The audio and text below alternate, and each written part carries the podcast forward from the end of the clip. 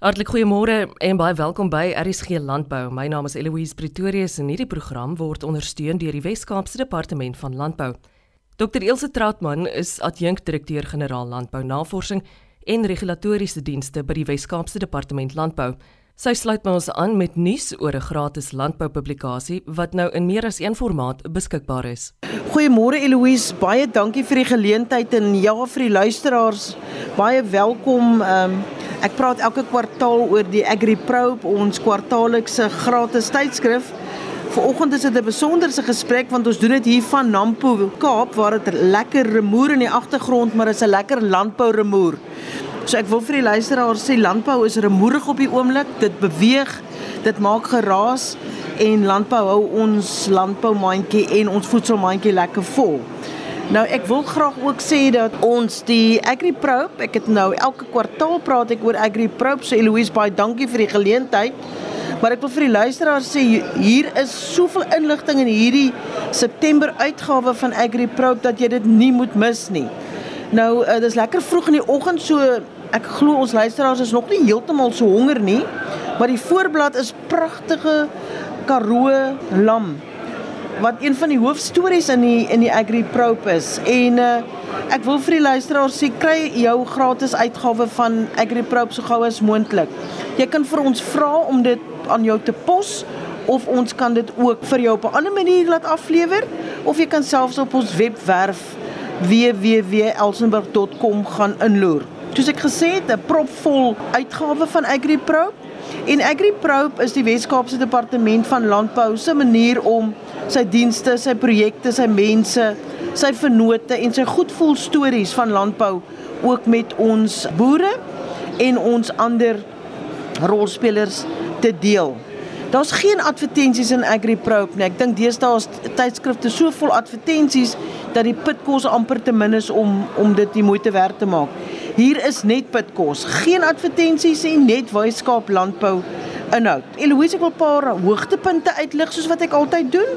Die eerste ene is dan 'n baie mooi artikel van ons eie minister, minister Ivan Meyer. En dit gaan oor vennootskappe wat so krities en belangrik is vir die groei en die sukses van ons sektor in die Wes-Kaap maar ook in Suid-Afrika. Dan is daar 'n lekker artikel oor die voedseltuin kompetisie waar ons departement ook tydens Covid geweldige goeie werk gedoen het om voedseltuine aan te lê in gemeenskappe en in April het ons dan 'n kompetisie uh, bekend gemaak, ook die wenners aangewys van die groentetuine of voedseltuin kompetisie. En daar was twee kategorieë, gemeenskaps- en skooltuine en dan ook die huistuine.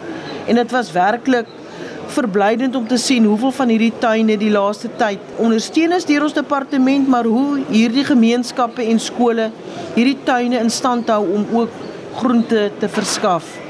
Dan is daar weer soos ouer gewoonte 'n artikel oor ons Smart Agri plan, die klimaatslim plan vir die Wes-Kaap wat in 2016 bekend gemaak is. En uh, hier is weer 'n lekker artikel, 'n opvolgartikel om die luisteraars en die lesers lekker op hoogte te hou van wat ons in hierdie omgewing doen. Dan ek weet uh, ons luisteraars en ons jong mense het maar vroetel vingers deesdae, speel lekker op die selfoon En uh, ek wil ook graag dan vra gaan loer na hierdie artikel oor die 12 digitale hulpmiddel vir ons kliënte. Lekker op jou selfoon beskikbaar of op ons webwerf waar jy dan op jou eie van hierdie hulpmiddels of soos hulle dit noem online tools kan gebruik. En ons bekende Cape Farm Mapper is daar, Vroetlook is daar, die damvlakke is daar. Daar's 'n weerportaal. So moenie hierdie geleentheid mis om ook hierdie gratis aanlyn hulpmiddels te kry nie.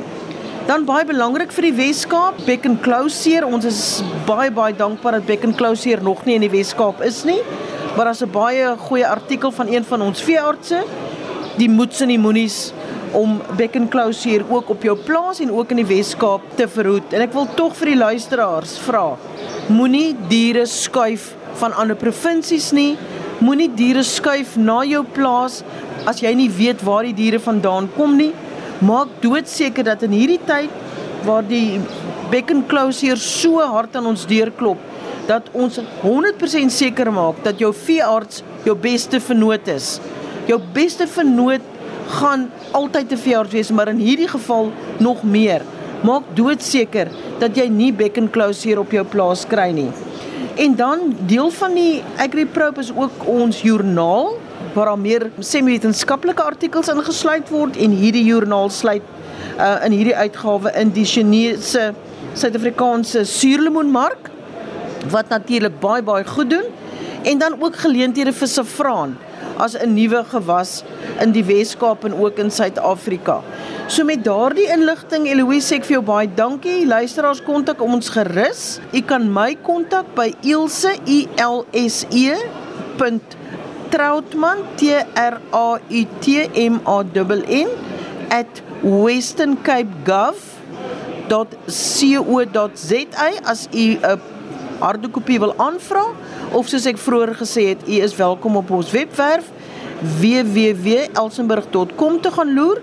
Jy kan al die vorige kopieë ook aflaai en ek sien uit om weer oor 'n paar maande met u te gesels oor wat ons glo 'n baie mooi Kersfees uitgawe gaan wees. En dit sal dan die Desember uitgawe van AgriProp wees. Baie dankie Eloise. So gesels Dr. Elsje Trautman, adjunkdirekteur-generaal Landbou Navorsing en Regulatoriese Dienste by die Wes-Kaapse Departement Landbou. 'n Nuwe aanlyn oplossing om voorspellings in droëlandgebiede relevant te maak, word volgende bespreek. Ons vind ook uit hoe boere besig is om hulle eie weervoorspelling saam te stel. Professor Willem Landman van die Universiteit van Pretoria is een van die mees gerekende weerkundiges in ons land en een van die bekendste seisonale voorspellers in die wêreld. Hy gee graag wenke oor hoe boere data beter kan verstaan. Ja nee, dit is verseker so. Wat wat een van die dinge wat ons wil doen is om die voorspellings relevant te maak. En ons het nou al 'n paar dekades wat ons nou al hierdie tipe van voorspellings aan werk en ontwikkel. Die probleem is, ek dink een van die groot probleme is daar is beperkte skill, beperkte vaardigheid om die seisoen te voorspel oor ons gebied.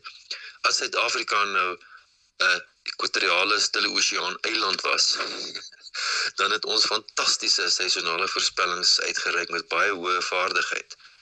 Maar ons is in 'n area soos wat daar ander areas ook is in ander dele van die wêreld waar die seisonale voorspellings nie fantasties werk soos wat dit byvoorbeeld werk vir 'n weervoorspelling nie. So daar's beperkte vaardigheid by betrokke en met al ons modelleringspogings lyk dit vir my ons het so 'n tipe van 'n plateau bereik. Dan word dit lyk nie vir ons of met ons uiters gesofistikeerde modelle en die statistiese verbetering van die voorspellingsuitvoere of ons regtig groot spronge in verbetering gaan kan verwag meer nie. So die vraag was dan wat kan ons dan doen met die voorspellings wat ons skep wat dalk meer van toepassing is op 'n spesifiek op 'n spesifieke gebruiker soos 'n boer. In Engels noem hulle tailored forecasting. Dit is nou om die ding spesifiek te skep wat 'n boer dalk direk by baard, by waarde kan vind. Dit is hoekom ons hierdie poging begin het om vir boere te vra om vir ons te gee wat hulle het in terme van reënval data. En daar's 'n paar wat dit gegee het en, en ek het hulle data al gebruik. Baie groot sukses behaal byvoorbeeld met van ons gebruikers in Namibië. Spesifiek is daar is daar 'n boerin wat daar naby Grootfontein boer. En uh, sy is so beïndruk met die ding wat ons vir haar geskep het omdat ons haar reënval data gebruik. Sy het vir my gesê sy kyk nie eens meer na ander ons se voorspellings nie. Sy kyk net na ons. Maar ook die die voordeel van haar area Dit is een van die areas in Suider-Afrika waar seisonale voorspellings relatief goed werk. Sekere areas werk dit nie fantasties nie. Dan die boere se data wat vir my gegee is, dan moet ek maar vir hulle eerlik wees en sê, "Nee, julle julle is in 'n area wat die seisonale voorspellings nie baie goed werk nie. Kyk hoe lyk dit wanneer ek probeer vir jou voorspel. Dis amper beter om vir jou biomate vra of waar kniese reumatiek op uh, op waar probleme gee. Jy kan om probeer voorspel op daai manier. Maar mens kan nie regtig weet voor jy nie die data ondersoek en kyk wat gebeur nie. Wat ons ook wil probeer doen is ons uh, probeer vir die boer, wel ek gaan dit probeer doen om vir 'n boer te wys sonder om enige ou se voorspellings te gebruik. Wat kan mens aflei uit jou data uit? Soos byvoorbeeld kan mens die ou se data gebruik en sien hoeveel keer was dit nat tydens 'n El Niño? Hoeveel keer was dit droog tydens 'n El Niño? En hoeveel keer was dit maar hier naby die gemiddeld tydens 'n El Niño by jou plaas? En dan kan mens byvoorbeeld sê, wel, dit lyk of 60% van die tyd het ons by jou plaas gesien is droog. En 30% van die tyd as daar 'n El Niño is, dan het ons by jou plaas gesien dit is naby die gemiddeld. En dan so 10% van die tyd is gesien wel dat dit kan dalk selfs 'n nat El Niño wees. Met ander woorde, gebaseer op jou data, weet jy as die ouens begin praat van 'n El Niño op pad, dan kan jy weet, maar jene, as daar 'n El Niño kom, dan is daar 'n 60% kans dat ek droogte gaan ervaar. Dit baseer net op my data, nie eers 'n model nie. En ons wil daai idee begin ook onder die boere tuisbring dat hulle data eintlik vir ons inligting verskaf wat hulle kan gebruik om beter besluite mee te neem sonder om eers na die weerdiens of my voorspellings of wie ook al anders se voorspellings te kyk net gebaseer op die feit dat hulle hulle eie data beter verstaan. En dit is ook wat ons wil probeer uh, tuisbring dat ons kan dan op so kom so 'n manier kommunikeer met die boere en dan die waarde wat hulle het in hulle data dalk vir hulle nog hoër maak. Weer daai data vir my is skrikkelik waardevol, maar ek dink hulle uh, kan verdere waarde uit uit hulle eie data deur met my te kom gesels en dan kyk ons wat kan ons maak met hulle data om dalk beter inligting te kry oor hulle plaas. Ek dink een van die redes hoekom die boerin van Namibië so baie hou van ons voorspellings want ons gebruik haar data om voorspellings vir haar plaas te genereer. So sy het al klaar 'n bietjie van 'n van 'n uh, wat is dit Afrikaanse vested interest in, in die voorspellings wat ons maak want dit is iets wat sy vir ons gee om die voorspellings moontlik te maak. Data kan vir, vir vir die modelleerders en vir die boer van groot waarde wees. Seer sekerlik moet daar dan 'n uh, digitale bymekaar kom plek ontstaan of bestaan waar hierdie data ingewin en gedeel kan word. Daar's 'n WhatsApp foonnommer of daar's 'n e-posadres. Stuur vir my soontoe, maar ek dink die ideale manier sal wees is dat mens na 'n 'n webwerf toe kan gaan en op so 'n manier jou data daar laat. Dit het ek nou nog nie ontwikkel nie, maar dit is dalk 'n goeie idee wat jy daar uh, voorstel. Die Facebook bladsy? Die Facebook bladsy as jy hom soek, se naam is wat ons mag gebruik vir ons voorspellingspoging by die universiteit en ook op my persoonlike webblad by die universiteit is, naamlik Seasonal Forecast Works. Nou die works is met 'n X gespel en dit is onderstel om 'n dubbelsinnige betekenis tekenis te wees. Eerstens is dit dis waarom die seisonale voorspellings uh, gedoen word. En dan wil ek ook sê seisonale voorspelling werk vir 'n mens. Dis dit ek daar het so tweerlei probeer tuisbring. En uh dit is nou uh, op die oomblik soos ek sê daar's nou nog net 19 gevolgelinge en ek hoop daar kan 'n paar honderd kom en op so 'n manier die die die boodskap uh dalk interessanter en meer effektief uitbring by iemand wat belang het by 'n seisonale voorspelling. Wel die die feit bly is dat ons gaan dalk nou soos wat dit tans lyk 'n derde agtereenvolgende La Niña seisoen in. En uh wat gebeur dan met 'n La Niña? Dit vergroot die kanse vir uh nat toestande oor die grootste gedeelte van die somerreënvalstreek. So die verwagting sonder om eers te kyk na wat modelle voorspel is La Niña groter kans vir nat toestande en terloops die modelle wil ook begin voorspel dat ons in die midsomer ek dink nie dit lyk regtig na nat lente sover nie maar soos wat ons die midsomer tyd per nader is die konsensus van die voorspellings af dat dit lyk na weer 'n nat seisoen. Die ding is wat uh, ons het ook al van tevore gepraat oor die een spesifieke boer wat ons se data van geanaliseer het wat drie agtereenvolgende La Niña seisoene ervaar het waar tydens sy oeste swak was. Mm. En die twee redes vir die swak oeste is dat een van die 3 jare was 'n taamlike droë La Niña. En die ander twee was hopeloos te nat. En uh, as dit gebeur dan kan die ouens nie oes nie. Dit is 'n groot probleem dan ook as 'n seisoen wat gunstig dan vir mens kan wees dan eintlik te nat is en dan is daar ook verlies. Deel tog weer met ons jou nommer. 082 644 5304. Ja, ek is baie gretig om WhatsApp te beantwoord. Ek is uh, nie ou sommer wat het, wat 'n foonoproep antwoord nie, want net nou is dit 'n ou wat vir my uh, nog 'n selfoon wil verkoop. En ek is antwoord nie sommer 'n foon 'n nommer wat ek nie op my lys het nie, maar WhatsApp is ek baie gretig en taamlik getrou om goed en vinnig te beantwoord. So gesels professor Willem Landman van die Universiteit van Pretoria.